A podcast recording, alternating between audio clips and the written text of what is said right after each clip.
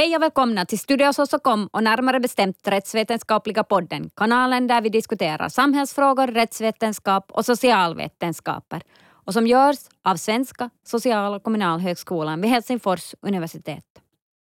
Till Rättsvetenskapliga podden bjuder vi in främst nationella experter och intressanta gäster med olika professionell bakgrund och erfarenhet för att tillsammans bena ut och diskutera aktuella samhällsfrågor och rättsvetenskapliga aspekter. I den andra rättsvetenskapliga podden behandlar vi kommunerna och genomförande av nationella barnstrategin. Hur kan kommunerna jobba mot att bli en barnvänligare kommun? Varför behövs mångprofessionellt arbete för att uppfylla de skyldigheter som följer av barnrätten, men också för att stödja varandra i arbetet med att förverkliga målsättningarna och de mera konkreta åtgärderna i den nationella barnstrategin. Med mig här i studion har jag experterna Mina Lindberg och Annika Korpela från Kommunförbundet. Välkomna. Mitt namn är Ulrika Krok och jag är barnrättsjurist och universitetslärare inom rättsvetenskap här på Sossokom.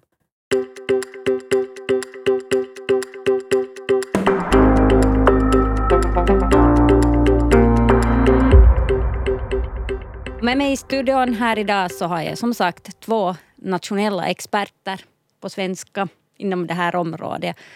Och jag själv är Ulrika Krok, jobbar som universitetslärare i rättsvetenskap vid Sossokom och drar bland annat kursen i barnrätt på svenska, den första i Finland på svenska. Barnrätten har blivit, blivit mer och, kommer mer och mer på agendan. Men varsågod Minna, du får börja. Ja, tack. Jag heter Minna Lindberg och jag jobbar vid Kommunförbundet på en sån enhet som heter välfärd och bildning. Det vill säga vi jobbar med välfärdsfrågor och bildning, äh, bildningssektorn i kommunen. Och jag ansvarar för den svenskspråkiga sektorn där. Och så har jag också med mig en paragrafryttare till. Annika, varsågod och presentera dig. Hej och tack, tack Ulrika och, och jag heter Annika Korpela och jag jobbar då som jurist på Kommunförbundet på samma ställe alltså som Minna jobbar och, och det där mitt ansvarsområde då, då den här lagstiftningen kring, kring det där, närmast kring den här sociala sidan men, att, men, men det där mycket, mycket barnskydd och, och, och på det sättet kanske förknippar med den här, den här barnrätten och helheten i den. Ja, och jag är som sagt väldigt glad själv att vi har ett sånt här tvärsektoriellt team här, för det är ju just precis det som nationella barnstrategin handlar om. Hörni, det är så att artikel 4 i barnkonventionen, FNs barnkonvention, så säger att konventionsstaterna ska vidta alla lämpliga lagstiftningsåtgärder samt administrativa och andra åtgärder för att genomföra de rättigheter som erkänns i konventionen. Och barnrättskonventionen har då varit lag i Finland sedan 1991. Och då har barnrättskommittén, FNs barnrättskommittén, har ju granskat Finland.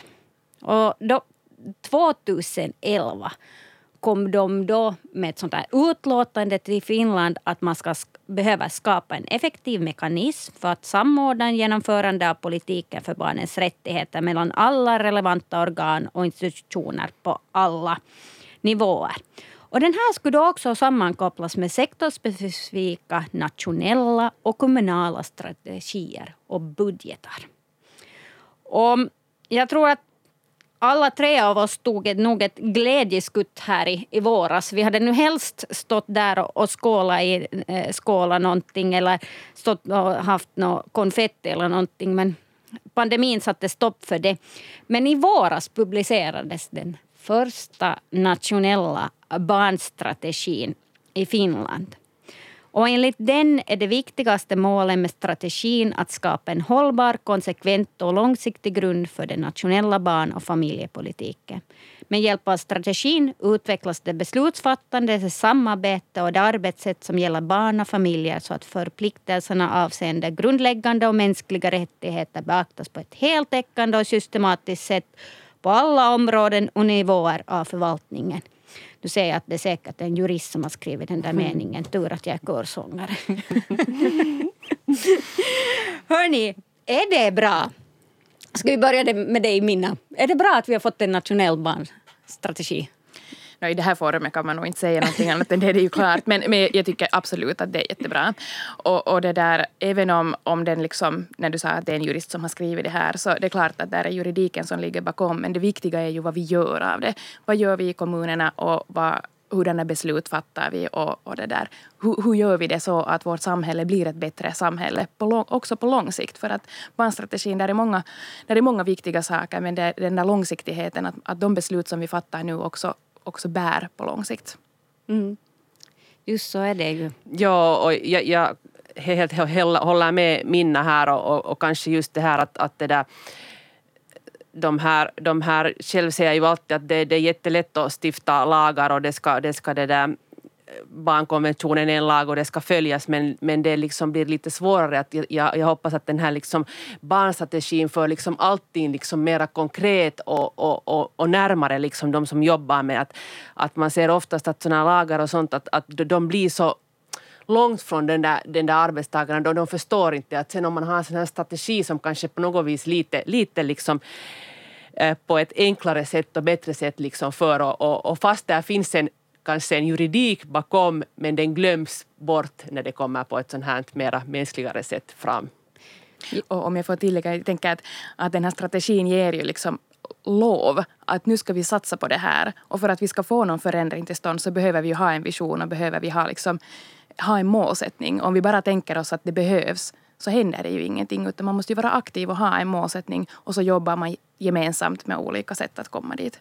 Ja, och det här är ju jättebra att du säger Minnan, för att just det här med visioner och strategier, det vet vi att team som jobbar bra har ju det. Att man visionerar mot någonting. Och just det här som du säger Annika, att, att man kanske inte den, den lättare form av den tunga lagboken och den finstilta lagen. Hörni, det som en röd tråd genom hela den här barnstrategin så går samordning, sektorövergripande arbete och samarbete mellan olika aktörer. Och sen har man faktiskt gett i barnstrategin den här bedömningen av, av konsekvenserna för barn och barnbudgeteringarna helt egna kapitel. Så att den här samordningen, samarbetet, det, det genomsyrar hela alltihopa. Men sen har man då egna kapitel. Och då vet vi ju det att kommunerna är, är centrala aktörer för verkligande av den nationella barnstrategin.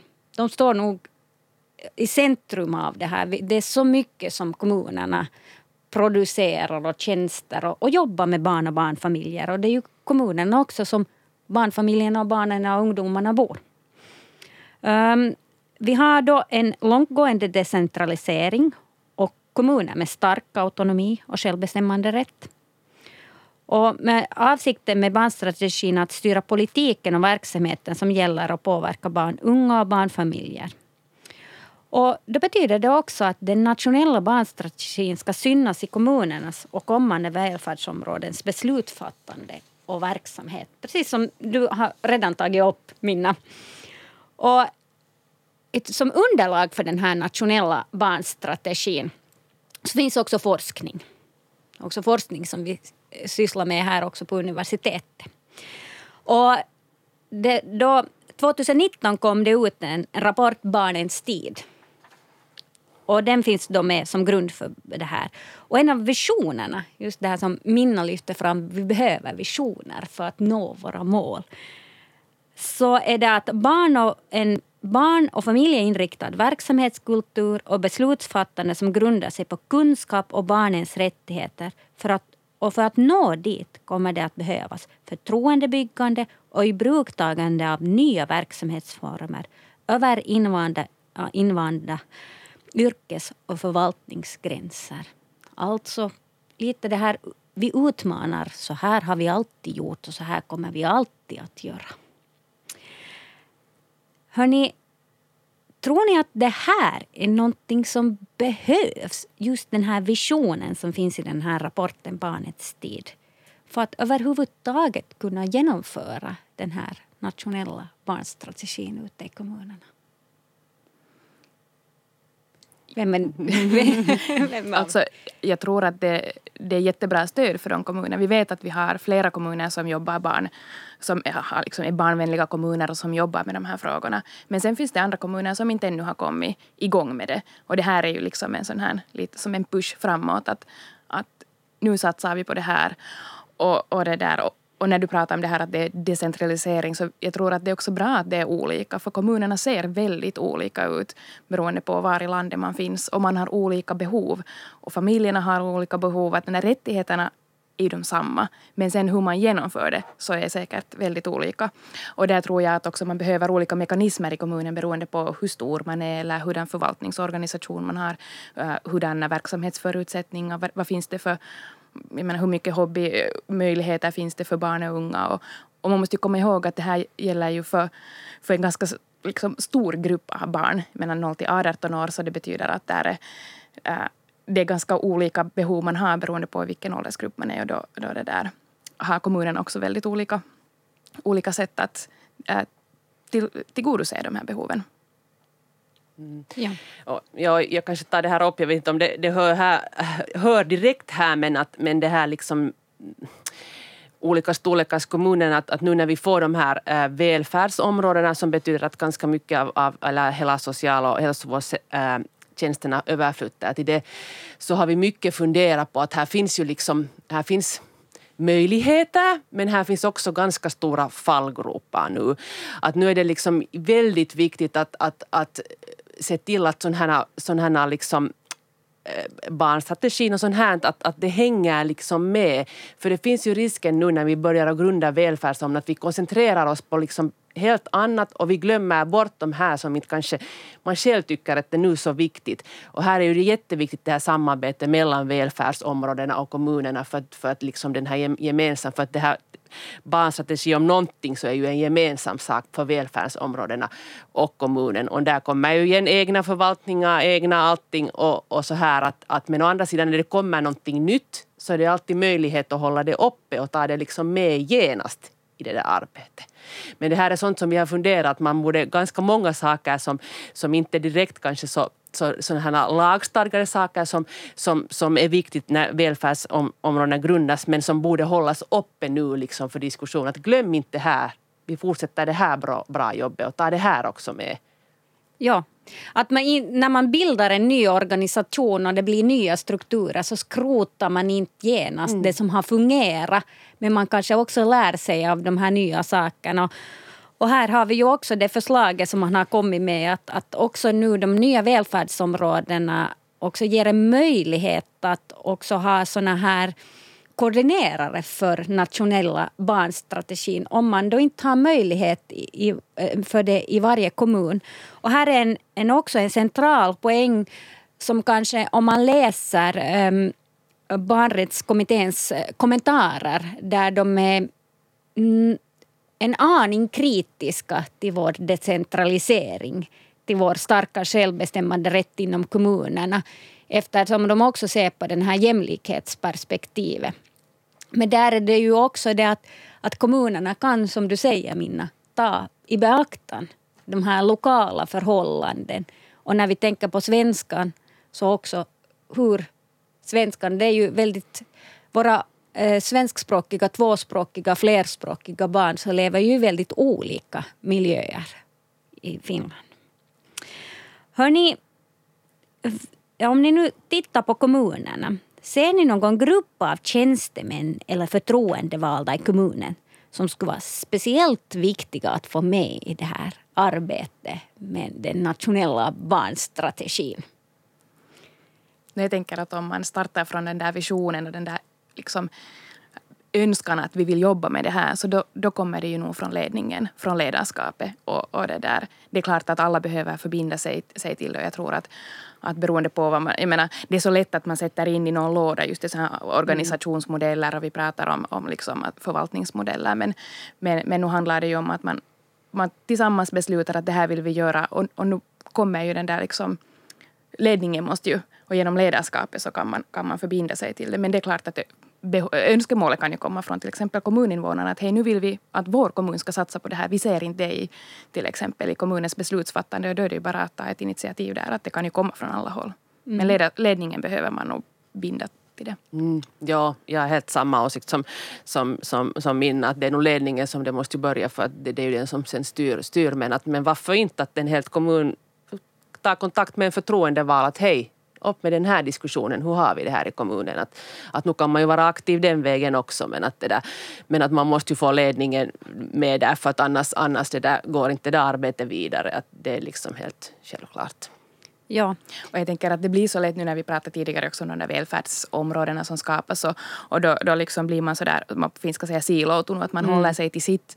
Men, men just det här arbetet kräver ju att man tillsammans, äh, att, det säger inte att man behöver ha någon viss typ av tjänstemän utan att, att man tillsammans faktiskt binder sig till att hitta de där mekanismerna som fungerar, eller som man vill prova att fungerar de i den här kommunen och sen utvärderar man att har det gett de resultaten. Ja. Att man använder varandras expertis på ett bra sätt, på ett mm. tvärsektoriellt sätt och, och samarbeta. Man behöver ju inte kunna allt. Hörni, tror ni att det här... Och, och nu tänker jag på, på också, vi har ju ganska nya förtroendevalda ute i kommunerna. Och det är ju tanken då att det ska också genomsyra den här politiken ute i kommunerna. Och, och där funderar jag nu när ni tar upp de här sakerna att skulle det kanske nästan behövas eller skulle ett alternativ vara att nästan alla förtroendevalda skulle få en inblick i den här barnstrategin. Att, vad, vad är vår fingertoppskänsla med de förtroendevalda ute i kommunerna? Känner de överhuvudtaget till att vi har en nationell barnstrategi som de också behöver ta i beaktande när de funderar på gångvägar, cykelvägar, hur vägarna ska plogas ute i kommunerna? Ja, jag, jag, tror att det kan variera. Att, att vissa, vissa, vissa kan känna till bra på grund av att, att själva kommunen eller staden redan har en bra liksom, grund men att, att nu finns det säkert, säkert det där kommuner och städer som inte, inte deras förtroendevalda inte har liksom alls någon, någon inblick i saken. Och jag tänker att det är viktigt som du tar fram just att äh, till exempel väg, vägplogning eller, eller planering. Att, att, det där, att det handlar ju inte bara om att de som jobbar med barn och unga ska ta det här i beaktande utan det, det är ju liksom just det där tvärsektoriella och att, att, det där, att man också liksom förbinder. Att, att, jag, tror att det behövs lite sån där, vi brukar prata om mindset change. Att, mm. att liksom att, att man börjar tänka på ett annat sätt. Och det kräver nog att inte bara förtroendevalda känner till att det finns en sån här utan, mm ju, har jag nu sagt det hundra gånger här, men att man tillsammans visionerar och sen systematiskt för det vidare till kommunens arbete. Ja, och det här har ju också barnrättskommittén poängterat. Det är på något sätt, det är inte bara de som, som man ser som, som självklarhet som jobbar med barn, som utbildningen, småbarnspedagogiken, en del barnskyddet, som vi direkt kopplar till barn, utan det är ju så många andra sektorer. Barnen finns ju där ute i kommunerna. Att, och inte bara den offentliga sektorn utan också privata aktörer. Vi har just hört på ett annat tillfälle där Microsofts VD pratade om hur, hur de jobbar med de här frågorna. Att, att det, är liksom, det är egentligen hela samhället. Och jag tycker att det var så fint när, när äh, en, jag tror att det var Tavastehus som sa att, att ett, ett, en kommun som är, är, bra för barn är bra för alla invånare. Att det inte sen blir sådana här motsättningar. För att om du har tagit i beaktande barnen så då blir det automatiskt så att du också har tagit i beaktande andra, andra befolkningsgrupper. Och det tycker jag är en sån ganska bra ledtråd. Eller vad heter det? Ledstjärna. Ja, absolut. Just det här mm. att... Mm. Ja, det är bra point med den här privata sektorn och, och, och alla liksom, så, att, så att den också ska vara liksom med, för den behövs i det där samhället och i det där dagliga livet och, och ha en stor roll så att det där att, att de borde också liksom ha, ha koll på, på den. Ja. Och det ingår ju också i nationella barnstrategin att man tar med privata aktörer, man tar med tredje sektorn för de är väldigt betydelsefulla också i, i, i Finland. Vi har ju stora aktörer och vi har många organisationer och de har också varit centrala i utarbetande av den här nationella barnstrategin. Men hörni, när det kommer till mångprofessionalism och sektorövergripande samarbete så har barnrättskommittén i sin allmänna kommentar nummer fem, allmänna åtgärder för genomförande av barnkonventionen, sagt så här. Kommittén anser att ett verkligt genomförande av konventionen kräver en synlig tvärsektoriell samordning för att erkänna och förverkliga barnens rättigheter inom hela statsförvaltningen, mellan olika förvaltningsnivåer och mellan staten och civilsamhället inklusive särskilt barn och unga. Och då Eh, syftet med samordningen är dels att säkerställa respekt för alla principer och normer i konventionen för alla barn inom det aktuella statens juridis jurisdiktion och dels att säkerställa att de skyldigheter som medföljer av ratificeringen eller anslutningen till konventionen inte bara erkänns av myndigheter med ansvar för stora områden med betydande påverkan på barn, till exempel utbildning, hälsa eller välfärd, utan inom hela statsförvaltningen, till exempel de myndigheter som ansvarar för finanser, planering, sysselsättning och försvar. Och detta på alla nivåer. Och här kom ju det där, just att man säger till och med försvaret ska, ska beakta. Och det här är ju en intressant sak. När vi då tittar på nationella barnstrategin så är då några av visionerna och åtgärderna här att åtgärderna för att trygga särskilt utsatta barns rättigheter bör utökas. De yrkesövergripande arbetssätten och samarbetsstrukturerna bör förstärkas med beaktande av barns och familjers individuella behov. Och när en familj ges stöd bör man systematiskt än idag beakta ställningen och rättigheterna för barnen i familjen och i den närmaste kretsen. Och där också när gällande social och hälsovårdstjänster så pratar man mycket om det här tvärsektoriella. Ehm, det som när jag också rör mig ute på fältet, ute i kommunen och ute bland organisationer och sånt så får jag oftast som fråga att ja, men lagstiftningen sätter ju stopp för det. Inte kan vi samarbeta. Hur är det?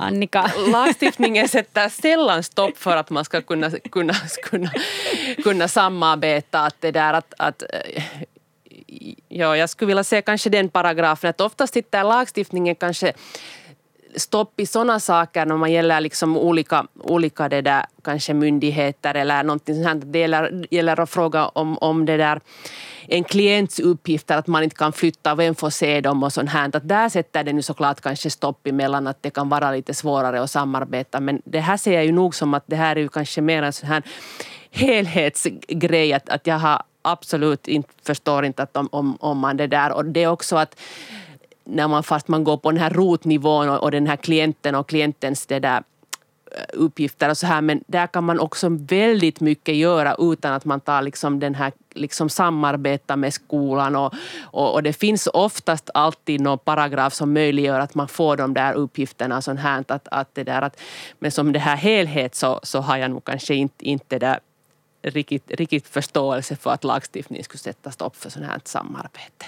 Ja. Och vi vet ju att det finns kommuner där det faktiskt fungerar. Mm. Och där handlar det just om att man har, man har liksom skapat de där strukturerna. Många gånger liksom handlar det om att man måste, man måste hitta de där strukturerna och så, så har man både på ledningsnivå och sen på den operativa nivån och till och med kanske också där på den här klientnivån eller på elev, elevnivån och så har man liksom systemen och, och det där och det är klart att det kan finnas liksom just sådär att man inte kan till exempel ge ut information. Men det förhindrar ju inte att man samarbetar och att man hittar, hittar liksom, och, och att man liksom pratar med varandra. Att vi, vi har på vår sektor sådana här frågor, det här är aktuellt. Och, och liksom, det, det, är ju sånt som borde vara vardag. Vi vet att det finns i kommuner.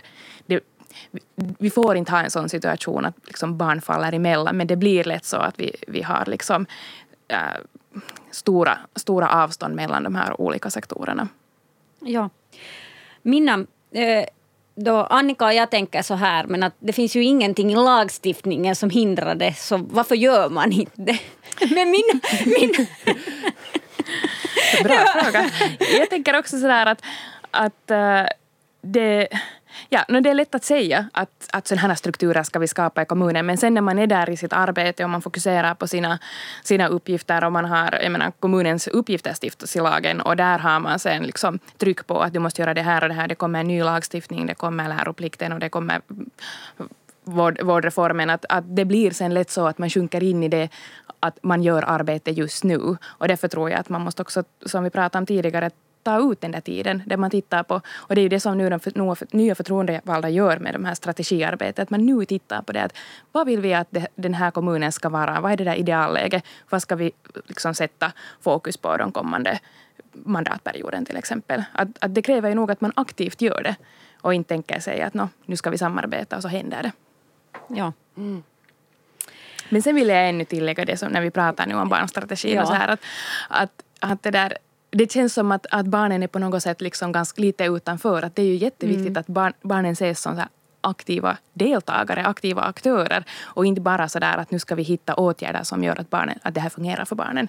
Att, att där är ju också att det är inte bara de där nya fullmäktigeledamöterna eller bara de nya äh, liksom, eller bara tjänstemännen som ska vara aktiva, utan barnen, barnen och unga måste själva också få vara med i det här. Och de måste veta om att det finns en barnstrategi och att de ska vara, vara liksom medvetna om sina rättigheter. Ja, och det ingår ju också i, i den här nationella barnstrategin och bottnar ju i barnkonventionen och vi har ju hur många paragrafer som helst om det här att man ska höra barn och de ska vara med. Och ett bra exempel var ju i morse när jag lyssnade på nyheterna så är ju den här nya ungdoms... Ehm, alltså ungdomsgården, eller det är inte det uttrycket, men det är ungdomsutrymme som man har bildat i Åde eh, i Centrumbiblioteket i Helsingfors där då faktiskt barn och unga har varit med och planerat den här samlingspunkten för ungdomar. Och, sen hade vi, eh, har vi också haft eh, eh, exempel från småbarnspedagogiken hur man tar med och utgår från barnens intresse när man bygger upp den här pedagogiska verksamheten inom småbarnspedagogiken. Ja. Och sen är det just det att, att fast vi har en, en lagstiftning som säger att man ska ha ett ungdomsfullmäktige och de ska ha möjlighet att på riktigt höras så finns det också liksom att det räcker inte att man bara formellt hör dem utan det måste finnas möjligheter att vara delaktiga och också utanför den där uh, ungdomsfullmäktige eller ungdomsrådet, vad det nu sen heter. Utan just sådär att när man planerar sånt som berör barn och unga så skulle de kunna vara självdelaktiga och påverka, som till exempel ditt exempel här. Ja. Hörrni, nu har vi pratat ganska mycket om visioner och sånt här och, och, och just kanske det som är lite svårare att få ta, tag i att hur ska vi konkretisera det? Men hörni, i barnstrategin så ingår det då bedömning av konsekvenserna för barn och familjer bör bli en systematisk del av beslutsfattande och verksamheten. Och speciellt då, det är särskilt viktigt för kommunernas del. Och sen har man också att det, kompetensen bör utvecklas och man behöver samla in data. Och i det här så finns också de här barnbudgeteringarna. Så då blir det att konsekvenserna, bedömningarna av konsekvenserna för barn är viktiga. Det här vet vi också med lagstiftningen. Och i och med den här nationella barnstrategin har vi också fått handböcker för lagstiftarna hur de ska höra barn. Det här är ju lite kanske ovanligt för en del Tota, som sitter och skriver lagar. Jag tittar nu på Annika och Minna sitter och skrattar. Ja, men att vi behöver lära oss. Det här är nog inte någonting som vi får med oss i juristutbildningen i alla fall. Hur vi ska sitta och, och, och, och lyssna på barn i lagberedningen. Och eh, så att det har kommit ut två böcker, i, i, handböcker för, för lagberedningen. Men då när vi tänker på den här, de här kommunerna skulle det behövas någonting liknande från dem. För att allt det här så bottnar ju i det som jag brukar säga är det här festtalens eh, sån här standard om barnets bästa. Artikel 3 i barnkonventionen. Men barnets bästa är ju inte bara ett festtal utan vi ska omsätta det i praktiken. Där då barnkonsekvensanalyserna är då ett centralt verktyg. Och det har visat sig att man både slumpmässigt så, och sporadiskt så bedömer man konsekvenserna i, ute i kommunerna för verksamheten. Men Minna, jag vet att du har kontakt med kommuner där det här fungerar. Där man gör det riktigt bra och där man har jobbat många år med det. Jo, det finns ju exempel på många kommuner men just till exempel Tavastehus har ju jobbat jättelänge med de här frågorna och, och det där då, då kan de, de och till exempel Uleåborg vara som sådana tycker jag, modeller här. Att om det är någon som funderar på att hur ska man sätta igång så kan man titta på deras strukturer. Och, och det som jag tycker att är just det där viktiga som, som de verkar göra är att de har det på alla nivåer. De har det på, på liksom den där strategin och visionen och i liksom beslutsfattande och så har de, har de system för hur, hur ledningen och hur det operativa och, och det där systematiskt utvärderar och ser att, att vad har vi för behov av just nu och var, var finns de där barnen och unga i vår kommun och det där. Och så utvärderar de det och sätter, sätter in liksom till exempel när du pratar om barnbudgetering så, så, det där, så ser de genom den där barnglasögonen. Att vad, vad har vi nu satsning på och vad behöver vi satsa på framöver, till exempel följande budgetår. Mm.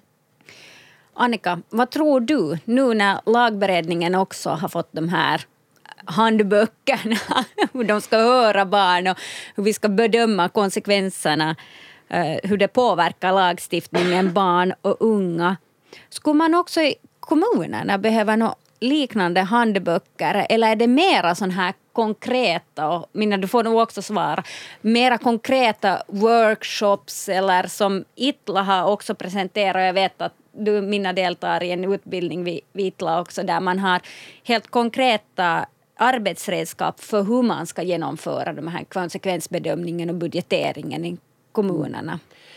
No, ja, jag, jag skulle kanske säga att det skulle kanske, kanske kunna vara liksom, inte in, någon handbok åtminstone. Jag tror inte att det, det kommer någonstans vart utan den, den hamnar dit. Men att kanske just kanske kommunerna mera skulle behöva liksom konkreta, hur, hur ska vi göra det här? Mm. Alltså helt sån här konkret ABC, hur ska vi göra det här? Att, att, att de är, det, det, finns små kommuner och så här och, och de, de, är väldigt osäkra och kanske när viljan skulle finnas att vi skulle vilja göra men att, att konkreta medel, att hur skulle vi kunna mäta, hur kan vi mäta det här, hur gör vi här? Och här är det jättebra med, med de här konkreta, konkreta exemplen som finns då, de som har gjort det bra så, så, det, där, så det är ju alltid när det kommer, kommer till oss också några frågor, vad som helst det gäller så är det ju oftast att, att har ni frågat någon annan kommun, hur gör den den? Att det där att, inte har vi ju kanske den här lösningen men att har ni frågat grannkommunen, hur gör de dem? Och så här. Och, och det, där, det är många som också frågar i, i vissa saker att de skulle vilja ha bra har ni, no, har ni no, tipsat någon kommun som har gjort det här bra? Och sen är det jättekul att tipsa att den här har det bra att kontakta dem. Så här. Men jag säger just att, att konkret ABC skulle vara helt bra. Att hur ska vi mäta det här? Men, att, men inte sen kanske någon handbok eller... Ja. Det, det sker ju en hel del på finska. Och eh, då tänker jag just på svenskt håll, och eh, de som jobbar ute i kommunerna på svenska och med tvåspråkiga barn och tvåspråkig verksamhet. Ser ni här att, att man skulle kanske kunna slå påsarna ihop, olika aktörer som nu vi sitter här nu på universitetet och Kommunförbundet och, och kommuner och sånt och, och ta fram såna här verktyg. Och, och sen också när man tänker på konsekvensanalyser så ska ju här finnas underlag och insamling av underlag om man ska analysera det här. Jo, jag tänker att just som Annika sa tidigare, att nu har vi den här barnstrategin. Nu finns det liksom momentum för att, att öka den där medvetenheten. Och genom att öka medvetenhet så, så blir folk intresserade av att, att hur kan man göra det här. Och då, då, då tror jag att man, man sen lättar till sådana konkreta exempel på att i den här kommunen har vi gjort si och så. För att, att det där, jag tror att man också behöver säga att, att att hur, hur, har man gjort det, hur har man kommit igång med det och vad har det haft för nytta? Och, det där. och sen också förstås det att, att alla metoder passar ju inte, liksom, det finns inte one size fits all utan det måste ju, man måste ju se sen att okej okay, att, att Uleåborg har nu gjort på det här sättet och de, de har sådana här strukturer men att, att lite sådär plocka russinen ur kakan och sen anpassa det till, till de egna, egna modellerna. Och säkert tror jag att universiteten skulle behöva vara med där och säga att, att liksom, kanske göra mera såna allmänna analyser över att vad är sånt som har fungerat och, och vad har på riktigt haft effekt. För att, att det där jag tror att det behövs också att man, man också ser den där analysen över att vad, vad, vad är effektfullt och vad är sånt som man kanske trodde att var bra och så har det kanske nu inte haft den effekten som man tänkte och då kan man lämna, våga lämna bort också sånt. Mm. Ja, ja, precis. Samma tänker jag också som, som Minna och, och det där. Alltid, alltid det där och, och, och det där och, och, just det där att våga medkänna att allting kanske inte heller liksom, som har gjort det varit bra utan att, utan att det hade inte kanske den effekten som man, man önskar att det är bra. Men, men det där bra, bra talat av Minna. Mm. Och, och, när jag också har diskuterat med sådana som vill, vill jobba, börja jobba med barnstrategin så säger de också att, att nu faktiskt, som du också Minna tog upp i början, att nu har vi ju någonting konkret att peka på. Och man kanske inte heller har känt till att man kan ju faktiskt peka också på barnkonventionen direkt att den här förpliktar oss och, och här har vi de allmänna kommentarerna. Så också det här att man hittar motiveringar till varför jag behöver använda arbetstid på det här. För det, i kanske den där stressiga vardagen så blir det, kan det vara svårt att också avsätta tid för just det här jobbet. Men hörni, vår tid börjar ta slut. Vi skulle säkert kunna sitta och diskutera den nationella barnstrategin och de centrala aktörerna, kommunerna, som eh, hur länge som helst. Men finns det någonting ännu som någon av er eh, sådär funderar på att till exempel gällande den här budgeteringen, barnbudgeteringen, är det något några centrala tjänstemän eller förtroendevalda som man borde få med att, att komma med i det här, att vi behöver den här barnbudgeteringen. Och behöver man göra den separat eller kan man bygga in de här konsekvenserna, den här budgeteringen i hela den där i den stora helheten så man inte behöver, så inte det bara kommer nu att man känner att nej nu kommer det bara mer uppgifter på oss. Att hur ska vi hinna? Jag tror nog inte att det handlar om att, att man kan säga att nu, nu liksom tittar vi hur, hur budgetpengarna flyter mot barnen att, och, och, så har vi liksom check i rutan, nu är vi en barnvänlig kommun och nu, nu följer vi det här. Utan nu handlar det ju om en större helhet. Och, och det var ju det som vi pratade om tidigare också, att därför behöver man med ledningen. Att nu tänker jag att man, man ska säga att vad är den där helheten och badmeditering är en metod. Det finns säkert också, också andra saker som man kan göra för att, att liksom öka barnens välbefinnande och, och det där barnstrategin är ju liksom, där finns ju massor som man kan liksom ta tag i också. Att, att det här är nu en metod. Mm. Om, om man tänker liksom, och kanske det där att och, borde någon veta mer om det här så såklart kanske då, då just den här, hur ska jag säga, kommunens ekonomi, ekonomidirektören och den, den sidan så såklart borde de ju kanske då ha mera kännedom att det här kanske är men att det där här kanske ändå vill, också vill säga här, här nu kanske till slut eller till sist men att, att också det att vi, man kan göra så mycket utan, utan att mm. man behöver använda en endaste en euro. Att mycket handlar ju om att din arbetssätt och mindset och funderande också med det här, det här liksom att, att allting kostar ju sen inte heller utan det kräver ju tycker jag liksom lite sånt omtänkande överhuvudtaget där kommunen att inte behöver det genast betyda att man behöver sätta liksom helt grymma massor med euron där, där utan att, att det där, den där själva arbetssättet och själva, själva tänkandet, därifrån tycker jag det börjar och sen, sen kommer det ju liksom så här. Ja. Och här tycker jag också just att eh, Annika, brukar, eh, du brukar säga det ganska bra att, att, eh, ja, att men ibland när man satsar på de här förebyggande åtgärderna, man satsar på de här familjecentren och nu tittar jag på mina också just för vi, tanken är ju att de ska vara här inom utbildningen, småbarnspedagogiken, nära familjerna så kanske man sparar upp till en miljon. För vi vet ju att en utslagen ungdom så kostar då staten, alltså kommunerna och staten, då, kan kosta upp till en miljon. Och Annika brukar här ta som exempel att, att får vi stoppat det här omhändertagandet så sparar vi till och med vad är det, är det nu så? Är det tu, jag, jag kommer inte, jag kommer inte ihåg men vi spar, alltså, om man tänker att, att det liksom en sån där plats på en, på en anstalt så det kan kosta 400 euro per dag till exempel. Ja, så som, det... som kommunen. Liksom, så, så det, det, är liksom, det är såna grymma, grymma summor att det där att, att ja, jag brukar allt, alltid liksom säga det och, och, och, om man funderar på något förebyggande eller något lättare service eller någonting så brukar jag alltid att, att ta sen och fundera liksom att, att, att, att vad det sen i slutändan kan liksom kosta. Det blir alltid helt jätte, jättemycket liksom dyrare. Att jag rekommenderar. Och, och statistiken visar nog också att, att kommunerna mer har satsat på de här, de här lättare och, och det har varit och, och sådana här, så, så det är jätte, jättebra och positiv trend. Ja. Och här tar vi och avslutar den här podden och eh, vi ser alla fram emot att se hur kommunerna tar sig an det här. Och här grabbar jag tag i nu det som Minna tog upp här tidigare. Man kan ju börja med någonting. Om man tycker det här barnbudgetering låter kanske för stort äpple att bita i just nu så kan man ju börja med någonting litet i den här barnstrategin och sådär pö om pö gå framåt. Ja, och just det där att, att det här är något positivt. Det här är något som vi vill att ska gå tillsammans. Vi vill gå tillsammans vidare med. Att, att inte sådär att, att det finns en massa monster där att nu blir det mera, mera arbete och, och det kommer att kosta pengar. Utan det här är något positivt som vi vill jobba vidare med tillsammans.